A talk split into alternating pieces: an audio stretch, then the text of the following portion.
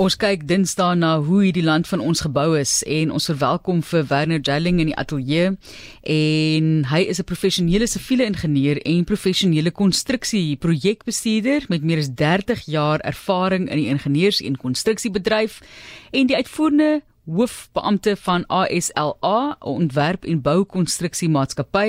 Hy is ook 'n genoot van beide die Suid-Afrikaanse Instituut van Siviele Ingenieurswese en die Suid-Afrikaanse Akademie van Ingenieurswese, dis Jerling, né? Nee? Daar's hy. En nou dit kom weer reg. Baie welkom aan jou Werner. Ons kyk bietjie na die stories agter die skerm ook natuurlik en hoe julle die lewe ervaar in hierdie land van ons met die bou. Baie welkom. Baie dankie Martelies en Johan en al die luisteraars. Dit is 'n groot voorreg om julle te gesels. Dis hom lekker warm buite hoor ek. Hier ingekom toe dink ek kyk aard vir warm praat nou seker 'n bietjie met ons. Ja, ja nee. het 'n mooi gebou hier gebou hoor. Hy's mooi uh, verkoeling. Mense hoop is natuurlik, né? Eintlik eintlik is dit so koud ek wil 'n trui aantrek, maar goed. Ehm um, ja, siviele ingenieurswese gesels net ons oor die agtergrond daarvan.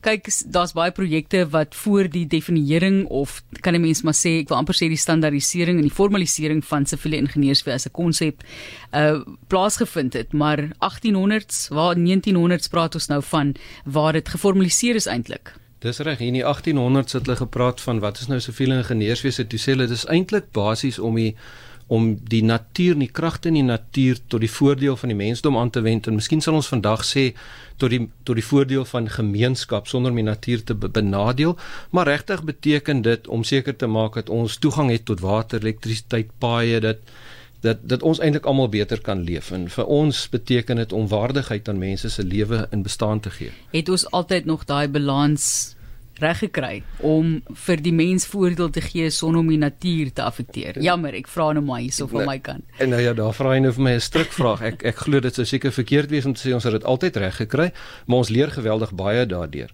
En in hierdie tye wat ons nou begine praat oor oor wat die impak van die omgewing op ons as die mensdom is, word dan natuurlik nou uitdagings vir ons gestel. Ons moet twee keer of drie keer begin dink oor hoe bou ons geboue, hoe bou ons waterstelsels en wat baie van ons vergeet dis en en julle program het dit nou bietjie uitgelig is hoe lank gelede baie van ons infrastruktuur gebou is en hoe ons in die 30's gedink het oor wat 'n spoorlyn en 'n watersuiweringsaanleg en so aan moet doen en hoe dit vandag nodig het is iets totaal anderste.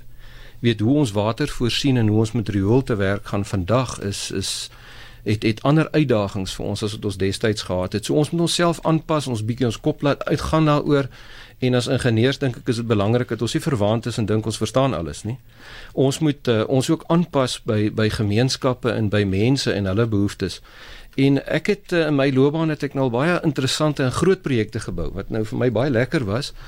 En uh hier by Asla bou ons kleiner projekte en ons is baie nader in gemeenskappe en dis 'n hele ander ervaring om as 'n siviele ingenieur met gemeenskappe te werk en en aan die aan die voet van 'n gemeenskap te kom sit onder die boom en saam te gesels oor wat is julle behoeftes en hoe kan ek my kennis wat ek gekry het aanwend tot julle voordeel en tot voordeel van die mensdom. En baie van ons is siviele ingenieurs wat agter rekenaars sit en baie mooi eindige element analise modelle maak, vergeet baie keer dat die eindverbruiker is waaroor dit gaan en die impak wat ons op hulle lewens het. Julie 1828, jy weet wat dit eintlik half nou geformaliseer is ingenieurswese, maar voor dit, ek het nou die dag gehoor het hulle met die graanboer van die jaar met ehm um, Andrei Brink, was Brink gepraat daar by Granendal oor hulle restaurasie projek.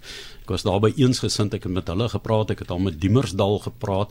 En iets wat my opvallend was is dat dit was voor die tyd van daardie vorms van siviele ingenieurswese Kaapse Hollandse wonings baie en hulle het sekere pale gehad wat hulle 'n sekere wyte gehad het. En dan is die gebou 5 meter sê byvoorbeeld wyd maar 20 meter lank want daai stutpale kon dit net so dra. En dan het 'n mens nou daar uit jou sê nou maar ehm um, jou jou uh, binnehof tipe van ontwerpstyle gehad want jy moet 5 meter by 5 meter by 5 meter maak vir die perre skoen amper wat jy vorm. Soos wonderlik hoe dit ontwikkel het, maar hoe mense klaar gedink het, wat is daai mas assa grens, nê, of lasgrenste? Dis fantasties om om daarna te kyk. En ons het waarskynlik van daai 5 meter is omtrent die grootte van 'n wa gewees. So dis hoe ek 'n stuk houtbalk kon aanry en die saagput was 'n sekere grootte gewees en dis waar dit vanaf kom. Vandag Vandag is ons struktuurstaal snitte, die stukke eisters wat ons koop, is almal 13 meter lank. Nou hoekom is dit so? Dis ons vragmotors wat ons met die paai mee ry, omtrent 13 meter lank en hulle moet die goed vir ons aanry. So daar is sulke beperkings wat ons in ag moet neem. Ek eh, ek ek is mal oor ons ons Kaapse bergpasse. En ek ek ry ander dag oor die Swartbergpas en ek staan daar bo en ek kyk so af en ek dink jy weet Bain Bain was 'n fantastiese ontwerper gewees. As ek nou vandag hierdie hierdie digitale model van die bergpas aan 'n klomp ingenieurs moes gee, sien maar ingenieurstudente. Ek wonder of hulle met 'n beter snit oor vorendag sou kom as wat Bain destyds met sy muil en sy sy kaartwerk sou gedoen het. So daai mense was werklik nie slegte ingenieurs nie. Dit het net als baie stadiger gegaan natuurlik. En vandag moet ons hierdie goed teen 'n baie hoër tempo maak en is als baie duurder. En maar dieselfde fundamentele beginsels bestaan vandag nog as wat hulle daai tyd ook na moes gekyk het.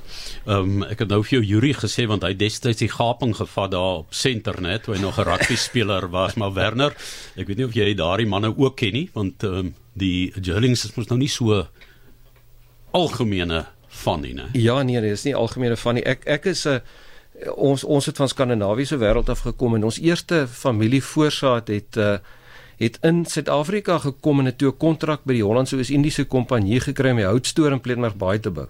So dis die eerste konstruksiekontrak. Die spesifikasie was om geelhout latye bo die vensters te sit en dakbalke van geelhout te doen. Nou geelhout is nie baie goeie boumateriaal nie.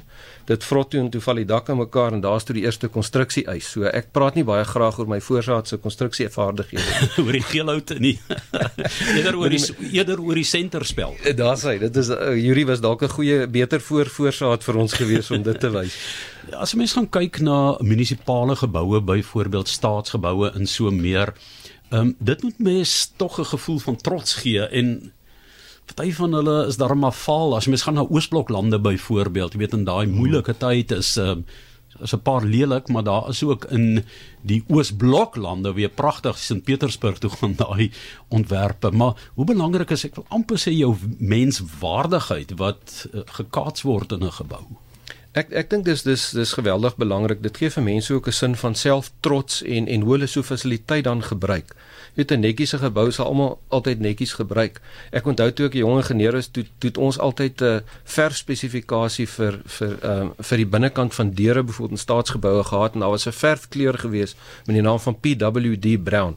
Dis so roesbruin kleur. En ek kon nooit uitvind waarvoor dit is nie, maar dit is eintlik Public Works Department Brown. Alle staatsdepartemente moes dit gehad het. Kapoen. Ja, omtrent so iets. Jy weet presies hoe lyk die kleur. Maar maar uh, kom ons gaan kyk na die bakstene wat destyds gebruik het. Hoe lank daai is daai geboue nog staan? Weer die spoorweë het het het huise gebou het vir eeue lank staan. En vandag sit ons met die uitdaging ehm um, hoe balanseer ons die die die hoe lank 'n gebou sal staan en hoe goed hy gebou is en die en die keuse van materiale teenoor funksionaliteit vir mense teenoor koste. En en ons wil graag vandag soveel as moontlik mense waardigheid gee deur die wonings waarin hulle woon, die paaie wat hulle gebruik, die waterstelsels wat hulle gebruik ensovoorts. En en ons sê graag vir onsself dat ingenieurs moet waardigheid gee deur middel van infrastruktuur. Hoekom anders te doen ons wat ons doen? En is daai waardigheid wat ons vir mekaar sê, wat beteken dit eintlik? Ek sou nooit kon dink dat dit 'n sentrale tema is in julle beplanning, julle doelstelling in die lewe nie. Mense sal dit dink nie. Natuurlik moet dit deel daarvan vorm want julle is besig om 'n spasie te skep vir mense en infrastruktuur. Ons gesels in hoe die land gebou is, juis oor siviele ingenieurswese. Daar is staaltjies. Voor ons by die staaltjies kom en die tyd ons vinnig vinnig inhaal. As jy kyk na waardigheid en wat sien jy dit as? In en veral die uitdagings wat ons in Suid-Afrika ervaar ons weet daar is baie mense wat nie daai waardigheid ontvang nie of binne die konteks van waardigheid leef nie. Ek ek ek moet sê in in in gedurende my loopbaan het het het het dit baie beter begin tuiskom ons toe ek nou na julle toe ry hier in die strate sit mense vir hulle gebouetjies op teen heininge en en hulle moet daarin woon en dit is definitief nie vir my waardig nie. 'n Plek waar iemand veilig kan woon byvoorbeeld. Ons het hier 'n uh, 'n paar brande gehad in die Kaapse Skiereiland onlangs waar mense hulle tydelike woonstrukture verloor het en en dan word daar weer vir hulle strukture opgerig en en daai mense gebruik byvoorbeeld 'n kommunale ablusiefasiliteit. Ons besef nie hoe dit moet voel vir 'n dame wat wat graag 10 uur 12 uur in die nag die toilet wil gebruik en hoe gevaarlik dit vir haar is om na so 'n kommunale fasiliteit toe te gaan. Teenoor die waardigheid daarvan om 'n toilet by jou woning en binne in jou huis of jou struktuur te hê. Wat 'n geweldige verskil maak dit vir hulle. Ek gesels eendag met 'n dame wat my vertel dat as sy saans by die huis kom dan sluit sy haar en haar dogter in die huis toe en eers môreoggend mag sy weer oopsluit as gevolg van die omgewing rondom haar, die onveiligheid daarvan. En ek dink dit is nie 'n waardige manier om te woon nie. En kan ons as siviele ingenieurs 'n verskil maak? Ja, ons kan beter paaie ontwerp, beter uitleg te kry. Ons kan die strukture in die huise op 'n ander manier ontwerp om die riool binne in te integreer byvoorbeeld. Ons kan seker maak dat mense waardigheid het in terme van toegang tot water ensovoorts. En dit is natuurlik ook nou in ons uh, in ons handves van menseregte wat wat verskans is binne in ons uh, ons landstuk se konstitusie. Is dit vervat en ek dink dis nogal 'n belangrike sprong wat ons gemaak het. Nou ons as ingenieurs moet uitvoering gee daan. Uitdaging, waar vind ons die geld? En hoe doen ons meer met minder geld. So daai waardigheid is definitief iets wat in my kop sit. Dit dit dit dit, dit behoort in alle al ons ingenieurs se koppe te sit en ons is opgelei om die verbintenis te maak tussen waardigheid en die probleme op te los. En dis wat ingenieurs doen. Ons moet probleme oplos. Baie baie interessant. 'n Vinnige staaltjie. Dalk of ons bietjie agter die skerms voor ons moet groet. Aitsa om op 'n konstruksiekamp te werk. Wat eet ons in die aande? Jy weet ons mense is baie soos die padkampe wat ou Dana Snyman altyd oorgeskryf het. Nou konstruksiekamp is dieselfde. Kom saans by die huis aan word dan nou kos gemaak en geëet. En ek sal nooit vergeet nie as 'n jong ingenieur het hulle 'n paar keer probeer om my te kry om kos te maak en baie vinnig dit tot tersyde gestel want ons het toe nog baie Portugese en veral ehm um, uh, Portugese voormanne en en Italiaanse voormanne gehad en kan daai ouens nou gekook het hoor. Lekker. Soveel so dat 'n paar jaar gelede het ons in een van ons konstruksiemaatskappye 'n boek gepubliseer gepubliseer en vir elke ou in die maatskappy gevra wat nou so saans, hulle werk mos maar weg van die huis af nê en sorg vir hulle self. Wat is jou gunsteling gereg? En toe het ons 'n kookboek saamgestel oor die kos wat so op terrein gemaak word.